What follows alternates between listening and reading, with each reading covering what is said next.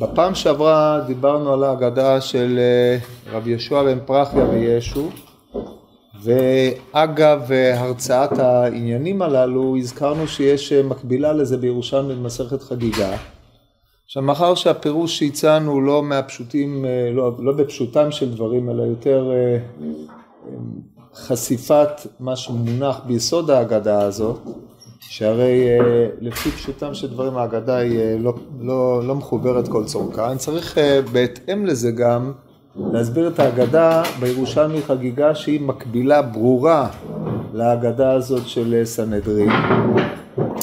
אז ננתח אותה.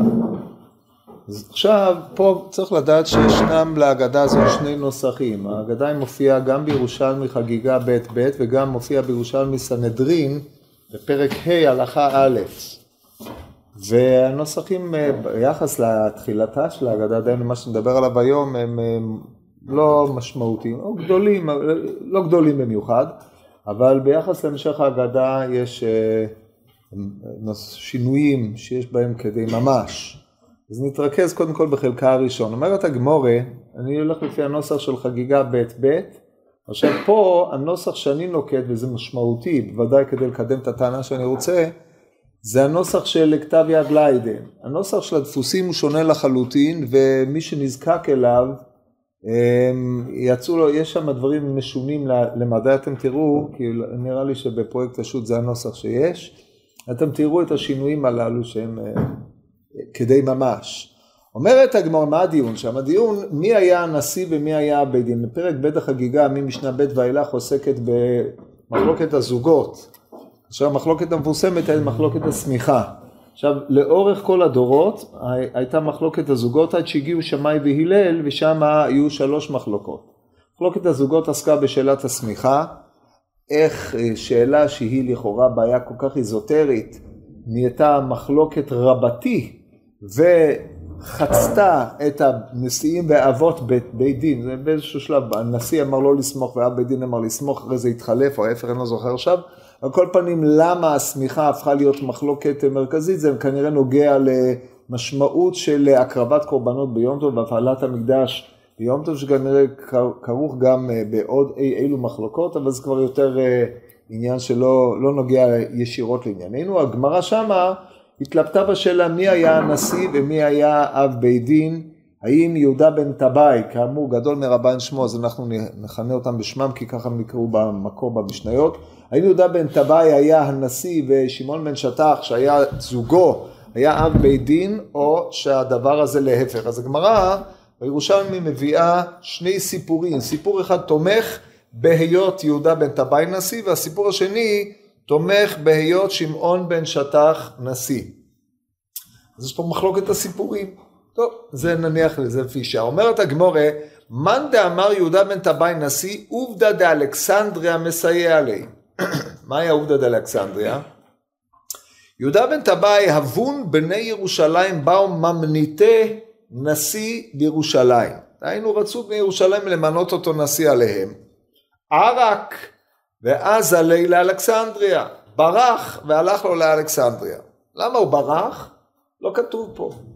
הדבר הזה לוט בערפל, יש כאלה שרצו לבאר את זה על פי מה שיהודה בן טבעי אומר באבות רבי נתן בפרק, נוסח א', פרק י', נקרא לכם את הלשון של הנוסח, אומר כדברים האלה, נמצא את זה, וזה מוכר מאיזשהו מקום, כפי שתכף תראו, כן, כתוב כך, כל מי שיאמר לי קודם שאכנס לגדולה זו ייכנס, רוצה אני שארד עמו לחייו, עד לחייו, כן, יורד עמו לחייו זה ביטוי, הקורא לגמרא בקידושין בכ"ח א', הקורא לחברו רשע יהיה בנידוי, ממזר יהיה בנידוי, או רשע יהיה בנידוי, אחד מהם יורד עמו לחייו. דהיינו, אה, יורד לפרנסתו. מי שירצה שאני אכנס לגדולה, אז אני יורד עמו לחייו ואני אקפח את פרנסתו, מפני שהוא רוצה בעצם לקפח אותי משלוותי. עכשיו שנכנסתי, אומר יהודה בן טבעי, כל מי שיאמר לי רד ממנה, רוצה אני שאפיל עליו קומקומוס של חמין שהגדולה קשה היא להעלותה. וכשם שקשה היא להעלותך, כך קשה להורידה, את זה אנחנו רואים מעשים שבכל יום, ולא נאריך. שכן רצינו בשאול בשעה שאמר לו, עמוד במלכות היה מתחבא. שנאמר, ויאמר השם, הנה הוא נחבא אל הכלים. ובשעה שאמרו לו, רד המן היה מחזיר אחרי דוד להורגו. אז זה יהודה בן טבעי, כאמור, הגמורה במסכת מנחות בדף קט מייחסת את המימרה הזאת ליהושע בן פרחיה, ואנחנו השתמשנו בזה כמובן בהגדה הקודמת. אז לכאורה יש לומר שהוא ברח לאלכסנדריה כדי להימלט מן הכבוד, כדי שלא יצטרך לרדת לחייהם של אלה שמבקשים ממנו להיות נשיא עליהם. אלא מאי? שמהמשך ההגדה הדברים הללו לא עולים יפה. ולא סביר שזה עילת העניין, אשר על כן העניין הזה נשאר פתוח, יש כמה וכמה השערות. השתיים המרכזיות שעולות הן א', הריגת הפרושים על ידי אה, אלכסנדר ינאי, כמו שהבאנו בעילה של רבי יהושע בן פרחיה, על פי הגמורה בקידושים בדף ס"ו, וידוע שאז המלכות יותר נטטה לכיוון הצדוקים, עד שמת אלכסנדר ינאי ואשתו, שלום ציון, החזירה את שמעון בן שטח והחזירה את כל ההוואי הפרושי שהם של, שלטו בכיפה. אלא שאם אלה הם פני הדברים, אז באמת לכאורה מי שהיה צריך לנהל את העסק היה שמעון בן שטח, כמו שעולה מהגמרא, ולא אה, יהודה בן טבעי. העילה האחרת לעניין הזה, גם היא אה, קשורה לפלוגתא בין הצדוקים לפרושים, היא מי שלט בסנהדרין באותם ימים. האם הצדוקים שלטו או הפרושים שלטו? אנחנו יודעים שהצדוקים שלטו בסנהדרין, ועל כן אומרת הגמורה בחגיגה בדף ט"ז, מופיע גם במסרת מכות בה' עמוד ב', אומר, אראה בנחמה אם לא הרגתי את זומם להוציא מליבן של צדוקים. אז אומר לו שמעון בן שטח, אראה בנחמה אם לא שפכת דם נקי שהתורה אמרה על פי שניים עדים יקום דבר, והסיפור ידוע. אבל ואז קיבל עליו שהוא לא יהיה דן אלא בפני שמעון בן שטח, הגמרא גם בירושלמי מביאה את העניין הזה. כל פנים אנחנו רואים שהדברים הללו נעשו במכוון כנגד הצדוקים.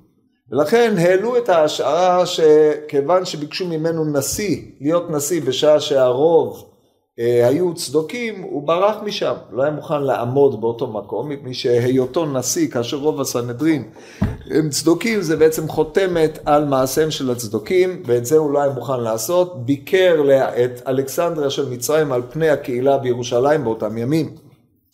טוב, אז זה מה שהוא היה, הלך וישב לו באלכסנדר של מצרים. והיו בני ירושלים כותבים, מירושלים הגדולה לאלכסנדריה הקטנה, עד מתי ארוסי יושב אצלכם ואני יושבת עגומה עליו, כן, עגומה, לשון קצת קשה, עגומה היה צריך להיות עגונה יותר מאשר עגומה, אבל כיוון שכתוב עליו, אז אפשר להסביר גם עגומה, בכל מקרה ברוב, בכל הנוסחים מופיע עגומה. מה קרה בעקבות הפנייה הזאת? פירש מייטה גו אילפה.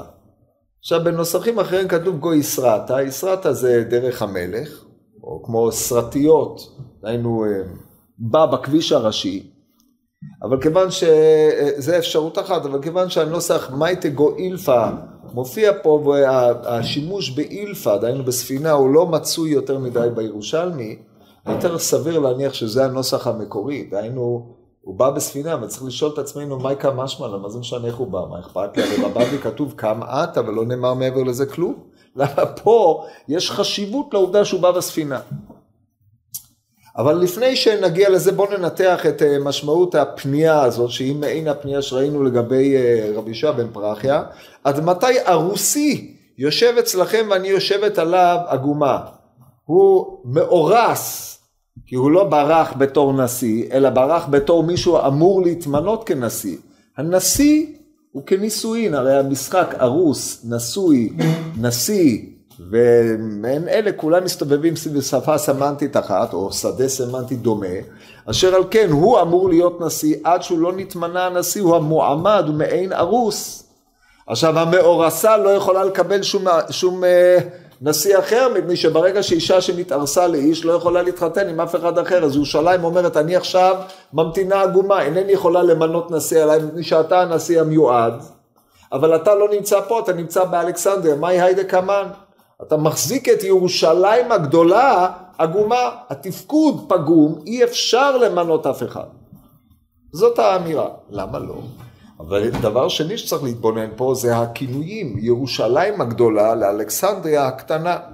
כמו שאנחנו מכירים מהירושלמי במסכת סוכה שהבאתי אה, אה, בשיעורים הקודמים, או בבלי במסכת סוכה, תוספתא במסכת סוכה, אלכסנדריה הייתה רבתי עם, יותר מכפליים מיוצאי מצרים היו בבית כנסת של אלכסנדריה, שזה מיליון מאתיים איש, כן? מיליון מאתיים איש ספק גדול אם היו בירושלים מיליון מאתיים איש באותם ימים. בזמנם של, אה, זה תחילת אה, הזוגות, זה הזוג השלישי, השני. ספק גדול אם ירושלים הגיעה לממדים האלה, בוודאי ובוודאי אלכסנדר הייתה מאוכלסת גם בגויים וכו' וכו'.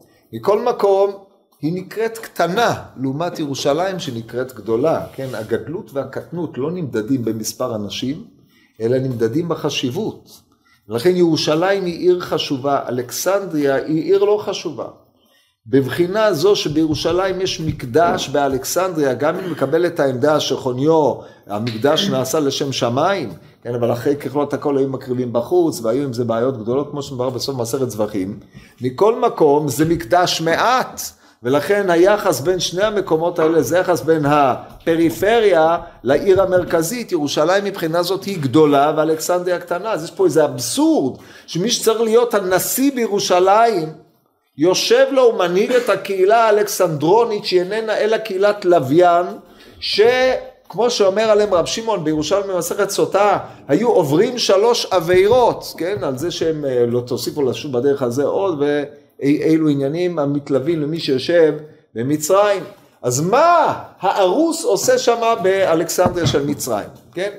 באופן הזה כאשר בני ירושלים כותבים לבני אלכסנדריה שהיוו להם את, אה, רבי, את אה, יהודה בן טבעי לנשיא עליהם כדי שישב שם, זה כנראה העניין, לכן מופיע ביטוי עד מתי? לאמור, הוא היה כבר צריך לחזור אבל כנראה קנה שביתה באותו מקום, אז לכן הם אומרים עד מתי אה, אני, הרוסי יושב אצלכם, זה לא ראוי, הוא מעכב את היכולת של ירושלים לפעול בתורת בית דין. וכמו שתשב עד שתלבין ראשה, היא תקועה, ירושלים תקועה בגלל אלכסנדריה. בעקבות הדבר הזה, אומרת הגמרא, אמ, פירש מייטה גו אילפה. אבל לפני זה צריך לשים לב שיהודה בן טבעי דווקא ראה לנכון לשבת באלכסנדריה, לא הייתה לו בעיה עם זה. הוא העדיף את חברת האלכסנדריה על חברה צדוקית בירושלים. זה חשוב. עכשיו הוא פירש בגוילפה לפי הערכתי, העובדה שכתוב שהוא בא בספינה, פירושו של דבר שהוא בא מהר. כי הרי מאלכסנדר לירושלים בימים הקדמונים לקח איזה דרך של כמה וכמה ימים, לעומת זאת בספינה אתה עושה את זה במהירות עצומה, אתה מגיע ליפו, ומיפו לירושלים זה מהיר למדי, לכן הכוונה היא שהוא בא במהירות. אם לחזור לנקודת המוצא של ההגדה, שהוא ברח למצרים, אם מפני הכבוד הוא ברח, אז מה, מה, מה קרה עכשיו שמיהרת, עכשיו הזמינו אותך, פתאום אתה בא, הרי מילא פנו אליך ואתה ברחת. לכן כנראה נשתנו הנסיבות, וזה מה שרמוז במכתב של אנשי ירושלים לאנשי אלכסנדריה, אני מעוכבת, אני צריכה אותך כדי להשלים את ההנהגה הפרושית בירושלים. כל זה לא יוצא מכלל השערה, אבל זו השערה מאוד סבירה. וכמו שאמרנו זה מתלווה למעשים שעשה יהודה בן טבעי כאשר הגיע לירושלים בשבירת זרועם של הצדוקים. עד כאן חלקה הראשון של ההגדה, החלק הזה בעצם עניין את הירושלמי כדי להוכיח מפה שיהודה בן טבעי היה נשיא. עכשיו, יש עוד נקודה אחת שצריך לזכור, יש גמור במסכת אה, בסוטה בדף כ"ב, אומרת הגמרא על הפסוק כי רבים חללים מפילה ועצומים כל הרוגיה, כן, מובא בשולחן ערוך בחושן משפט בט"ז, רבים חללים מפילה זה תלמיד שהגיע לא, שלא הגיע להוראה ומורה, ועצומים כל הרוגיה זה מי שהגיע להוראה ואינו מורה. זאת אומרת, אדם שנמצא בעמדה שהוא יכול להורות או ראוי לו להורות, והוא נמנע מלעשות את זה, זה עצומים כל הרוגי דהיינו כל אלה שבעקבות זה שהוא לא היה שם בהוראה אה, עבדו, הכל נזקף לחובתו. עכשיו, זה לא שיהודה בן טבעי לא הורה, הוא היה כנראה באלכסנדריה מרא דאתרא ועשו ממנו עסק גדול, אבל כאשר עיקר מקום ההוראה היא בירושלים, אז הימנעותו מירושלים, כמו שהם ניסחו לו את זה, זה מבחינת עצומים כל הרוגיה. לכן הוא ראה לנכון להגיע חזרה לאותו מקום, וזה בעצם מחזק את הטענה שלא מפני הכבוד הוא ברח. טוב, עכשיו זה היה סופה של אה, חלקה הראשון של ההגדה, שכמו שאמרתי קודם, בשביל זה הירושלמי הביא את זה. החלק השני של ההגדה הוא החלק שמאתגר אותנו מבחינת הפירוש בהגדה הקודמת, כן? פה אנחנו צריכים לראות מה עושים. אמר, דחורה מרתא דביתא דקיבלתן מהבת חסרה. ככה הנוסח. אצלכם זה לא כתוב. דומני שכתוב דבורה, כן, מן דבורה. דבורה בעלת הבית דקיבלתן, מה שהיה כתוב שם, חסידה אהבת ולא חסרת כלום או משהו כזה. ככה גם בירושלמי בסנהדרין. אבל זה לא. דחורה. דחורה הכוונה זכורה, בבחינת ברם זכור אותו האיש לטוב, הרי שכאן זכורה בעלת הבית שקיבלה אותנו, מה הייתה חסרה?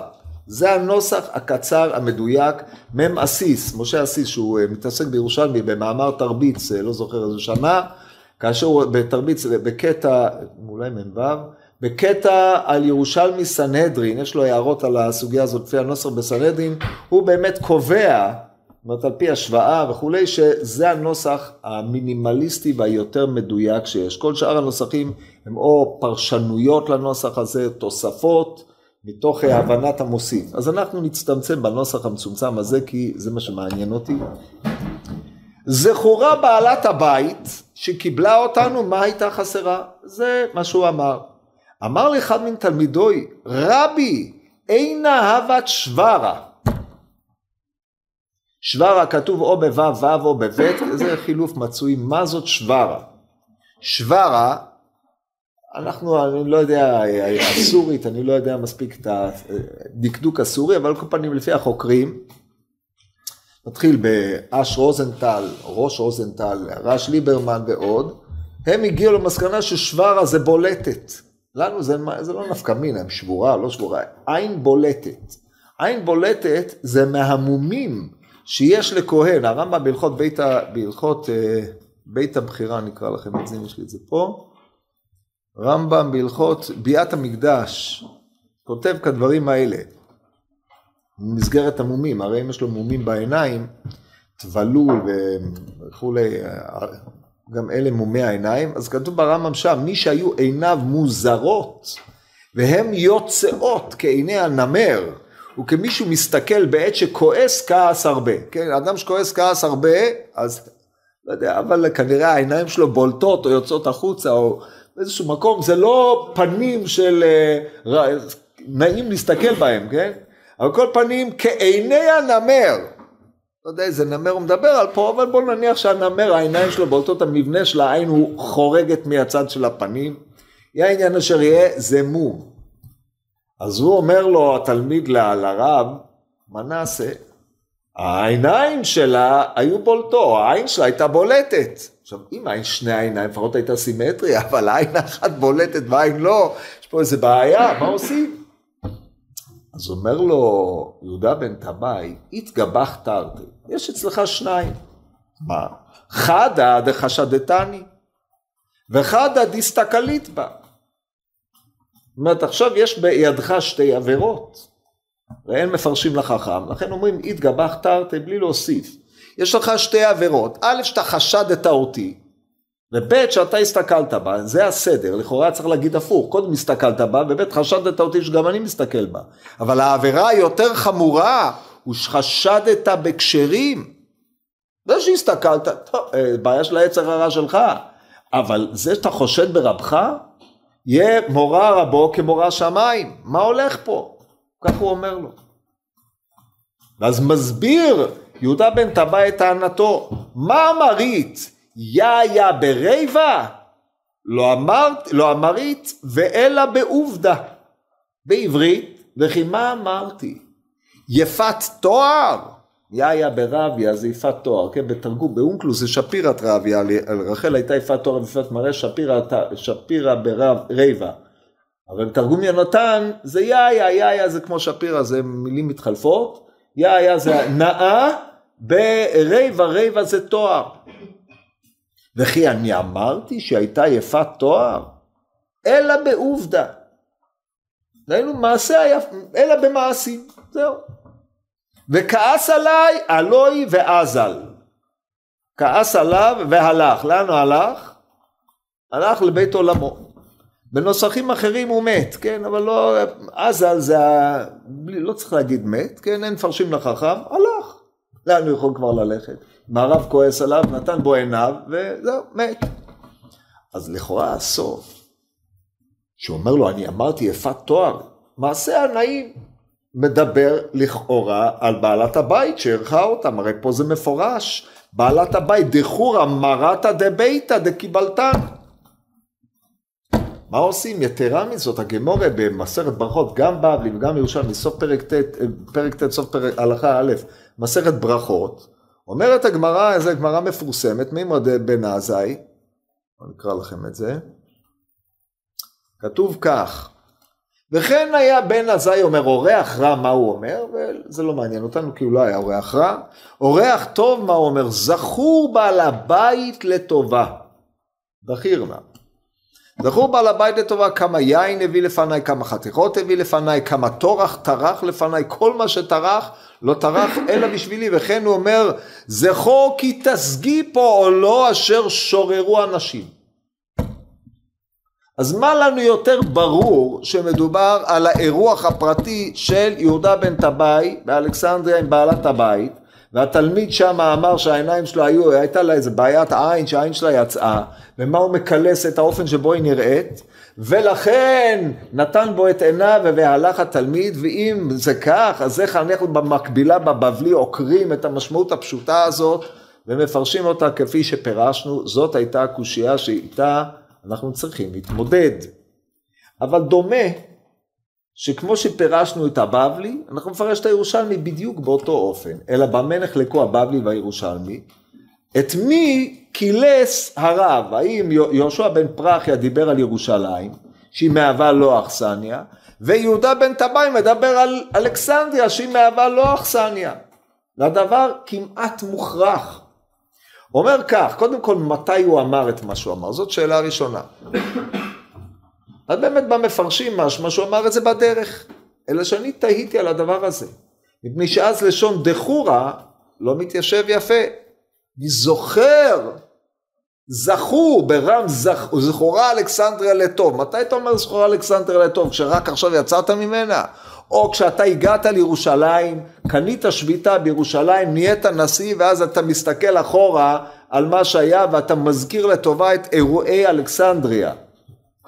ודאי בדרך כלל כשאתה אומר זכור לטוב זה בהשוואה למצב שבו אתה נמצא כעת. ברם זכור אותו האיש לטוב יהושע בן גמלה שמו של מלא הוא נשתכחה תורה מישראל. כן הגמרא בבתרא בכ"ב מתי אתה אומר זכור אותו האיש לטוב? כאשר התורה מבוססת יפה, אתה חוזר ומאזכר את נקודת, היות, את, את השורש של המצב שבו אתה נמצא. אשר על כן, על דרך זה ממש, אנחנו נאמר שכאשר יהודה בן טבעי התבסס בירושלים, בתור נשיא, התבונן אחורה על המצב שהביא אותו לידי כך ונזכר בערגה בחיי אלכסנדריה הטובים עליו. עכשיו, מה היה לו לומר על אלכסנדריה? בואו נראה. אומר על אלכסנדריה, דחורה מרתא דביתא דקיבלתן, כן, אלכסנדריה הרי היא מרת הבית, בעלת הבית. עכשיו בדרך כלל מי שאמור לקבל זה לא בעלת הבית, אלא בעל הבית, כן, בפרט אם הוא אדם, בעל הבית מכניס אותו, אבל פה בעלת הבית קיבלה אותו, מפני שאלכסנדריה היא, כמו שאתם מבינים, אה, הקטנה, היא אחותה הקטנה של ירושלים. אז לכן אלכסנדריה נקראת מרתא דביתא דקיבלתן, הם קיבלו אותנו בזמן המצוקה שהייתה בדיוק כמו שאמרנו באגדת יהושע בן פרחיה וישו. מה הבת חסרה? מה היא הייתה חסרה? עכשיו, האם מה הבת חסרה, ואני מדבר רק על הלשון הזאת, כי זה בעצם מה שהוא אומר, היא קיבלה אותנו והיא לא הייתה חסרה. האם הדבר הזה מרמז באופן כלשהו למראה של אותה בעלת הבית? או האם הקונוטציה הראשונית שכשאתה מקלס את בעלת הבית שקיבלה אותך ואתה אומר מה היא הייתה חסרה, אתה מדבר על התואר החיצוני שלה, או שאתה מדבר על האירוח שלה שהאירוח הזה היה אירוח שלם ולא היה חסר בו כלום. הרי כל בר דעת יבין אוטומטית שאתה לא מתאר את הגברה או את האישה בהקשר הזה, אלא אתה מתאר את מעשיה. אז אם זה כך, מסתם מה שהתלמיד של אה, יהודה בן טבעי לא היה שותה גמור, אחרת הוא לא יכול להיות תלמיד שלו, כן? הם למדים אלא לתלמיד הגון, ולכן גם הוא היה, הוא היה בר אוריין, בר אבן, מבין עניין. אז איך הוא טעה לפרש את דברי יהושע, יהודה בן טבעי, כאילו הם מתארים את בעלת הבית, מה עניין תיאור בעלת הבית לפה? ברור שזה לא ייתכן. מאחר שזה לא ייתכן, חייב להיות שכשהוא מאיר את ההערה ואומר עינה ושברה, דהיינו עיניה, או העין שלה הייתה בולטת, הוא מהלך בקו אחד עם הדבר שאליו רמז יהודה בן, פר... אה, יהודה בן טבעי, דהיינו אלכסנדריה עצמה. אם כן יש פה שימוש המשלי, ברור, הם מדברים בלשון רמיזות. זאת אומרת, בעלת הבית לא הייתה חסרה, הוא אומר לא, העין שלה הייתה בולטת. ועכשיו נותר לנו כמפרשים לתת פשר למשמעות של העין שלה הייתה בולטת. מה משמעם של הדברים, למה הדברים מכוונים. ואז אומר לו יהודה בן טבעי, אתה חושד אותי? שאני דיברתי על התואר החיצוני, דיברתי על המעשים, גם את זה צריך לתת פשר. וזה מה שאנחנו צריכים לפשר בהגדה הזאת ולסגור את הסיפור הזה. אז כדי לעמוד על משמעם של דברים, כבר ראינו קודם לכן שהשימוש במונח עין מרמז להנהגה. כן, כמו שראינו אה, בהגדה עם יהושע בן פרחם, וסביר להניח שגם בהקשר דנן, הדברים הללו קשורים לאיזשהו אופן להנהגה, אבל לא רק להנהגה. מפני שעין בולטת, ובפרט בדברי אה, יהודה בן טבעי, וכי אמרתי יעיה בריבה, דהיינו דיברתי על התואר החיצוני, הרי שיש קשר בין העובדה שמדובר בעין בולטת, פירושו של דבר שהאופן שבו היא נראית הוא, הוא פגום, בין השאר מפני שההנהגה שלה פגומה, מה שמוליך אותם, או עיני העדה, דהיינו המנהיגים של העדה מוליכים אותה בצורה פגומה, וזה העין הבולטת, זה מתקשר עם המראה הכללי שלה, שהוא איננו יפה תואר, גם את זה מודה אה, יהודה בן טבעי, אומר אני לא אמור להסתכל על הדברים האלה, זה לא מה שעניין אותי. אלא מה שעניין אותי זה המעשים, לא התואר החיצוני. זה לב הטיעון. עכשיו נתן לזה את הפשר. הפשר הוא כזה. כשאנחנו בוחנים את יהדות אלכסנדריה לדורותיה, החל ממה שאנחנו מכירים מהמאה השנייה של הספירה, זאת אומרת, ניקח למשל אה, מה שאנחנו מכירים על, על בוריו אמ, בהקשר לתרגום התורה ליוונית, כן, זה מופיע באיגרת אריסטיאס, במאה השנייה לפני הספירה, אנחנו מכירים את הספרות של פילון האלכסנדרוני. צריך לדעת באופן כללי שהיהדות באלכסנדריה התנהלה כולה ביוונית. השפה החיצונית, השיח, הלך הרוח היה יווני. לחלוטין, כן, מי שיקרא את כתבי פילון, יש לנו את זה היום בחמישה כרכים, אפשר לקרוא את כתבי פילון ואת הכתבים של יוצאי אלכסנדריה, הם מיובנים, רעיונות אפלטונים אה, מופיעים שם, ודרכם חדרו ליהדות אה, כל מיני רעיונות אה, יווניים. זה היה יהדות אלכסנדריה. באופן גורף, הצורה החיצונית שלה היא צורה חיצונית מיובנת. לא מתייוונת, אלא מיובנת. מהי נפקא מיניה? אנחנו, יש בירושלמי בכמה מקומות, ירושלמי סוטה דומני וירושלמי ברכות, שרבי אבאו הגיע למקום מסוים, או איזה חכם הגיע למקום מסוים בבית כנסת בקיסריה, ואת קריאת שמע, כל התפילה מתנהלת ביוונית. עכשיו כיוון שקריאת שמע בכל לשון, כמו שמבואר במשנה באלו נאמרים, אז הם קראו יוונית, פללו יוונית, כי זה השפה שהם דיברו, אתה פונה לקדוש ברוך הוא בשפה שלך, זה בכל לשון, בתפילת עמידה יש בעיה עם העניין הזה, אבל לפי שעה נניח את זה, כי גם שם כתוב תפילה בכל לשון, הרמב"ם לא הביא את זה וכבר פלפלו בזה, אבל לגופו של עניין, זה האופן שבו, זאת הייתה השפה שלהם, זו שפה, הרמה הייתה יוונית, עד כדי ככה מגיעים הדברים שגם בירושלים. בשנים שלפני החורבן, השפה של האינטלקטואלים, האינטליגנציה היותר גבוהה, הייתה יוונית. השפה של העמך הייתה ארמית. מה עם עברית? עברית דיברו רק בתור שפת תפילה. 70% מהקברים בירושלים היו עם כתובות יווניות. זה היה המצב. עד כדי כך הגיעו הדברים. האם הם לא היו יראי שמיים? היו יראי שמיים מרבים. באלכסנדריה הדבר הזה לא צריך לפנים ולפני ולפנים, הם היו מיובנים, אבל החזיקו בתורה. ולא זו בלבד שהחזיקו בתורה, אלא כפי שתיארתי לכם בשיעורים הקודמים על פי התוספתא והירושלמי במסכת אה, סוכה, בית הכנסת של אלכסנדר, שזה מרכז הקהילתי, דמה כל כולו, או נבנה כל כולו במתכונת המקדשית. זאת אומרת, התוכן, הפנימיות שלהם הייתה יהודית, והלבוש שלהם היה יווני.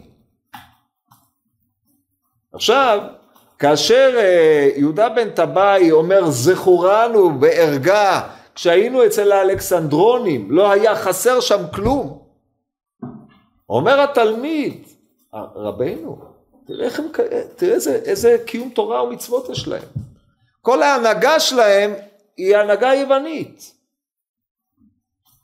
הצורה החיצונית, הלבוש הוא לבוש יווני, הלבוש היווני לא מתלבש יפה, לכאורה, על קיום התורה והמצוות. פה בירושלים אנשים יראי שמיים, כולם מדברים עברית וכולי וכולי, למרות שכמו שאמרתי לכם, היסטורית זה לא כזה פשוט, אבל על כל פנים, אה, אנשים, הם חיים, חיים יהודיים, אבל שם בבחינת אהיה יווני בצאתך ויהודי באוהליך, כן?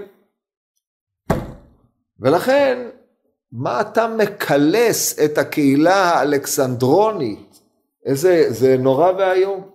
העין שלה בולטת, יש בה מום בולט, וכל ההחצנה שלה היא אה, פגומה. עכשיו, שימו לב לאירוניה המאלפת פה. כתוב יפת אלוהים וליפת, ישכון בעולי שם, יפייפותו של יש לא תהיה לה בעולי שם, הרי פי זה הגמרא מצדיקה את תרגום התורה ליוונית, מי שיווה, היוונית היא שפה יפה. טוב, אז זה, זה מה שטענו על היוונית, ולכן ההנהגות היווניות כביכול, הם הצד היותר יפה, אבל הם כיעור ביחס להנהגות היהודיות, העברית, השפה, שפת לשון הקודש, וההנהגות בלשון הקודש, המתפללים בלשון הקודש, קריאת התורה בלשון הקודש, כל הדבר הזה הוא חילוף, הוא שינוי. אז זה מה שהוא אומר לו, אתה מקלס את הקהילה הזאת, מה אתה עושה? אומר לו רבי יהודה בן טבעי, אני אמרתי, יאיה ברייבה, אמרתי שהם יפים במראה, אתה חשדת אותי שאני מקלס את העובדה שצריך להחזיק בהנהגות היווניות, בשיח היווני שאנשי אלכסנדר מחזיקים בו? חשדת אותי בשתיים, א', בזה אתה מסתכל. זאת אומרת, על פי הצורה החיצונית שאדם מדבר, על פי הנוהגים החיצוניים שלו, על פי הגינונים הדתיים שבו אתה שופט אותו. אתה לא מסתכל אל תוכו של האדם. מעשיו של האדם הם אלה שקובעים מהו, לא הלבוש החיצוני, הגינונים הדתיים החיצוניים, לא הפרק שאותו הוא לובש ולא השפה, שכל הדברים הללו הם לבוש המבטא את הנפש. אז הלבוש הוא לא יפה, אבל הנפש בפנים היא נפש יפה, המעשים הם אלה שקובעים את המהות של אותה קהילה.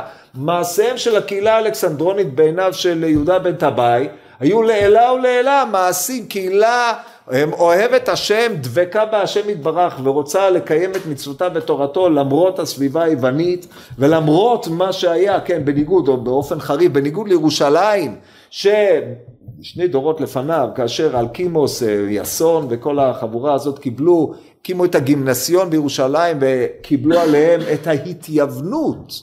היינו נטשו את המקדש לטובת עבודת, אה, העבודה של היוונים.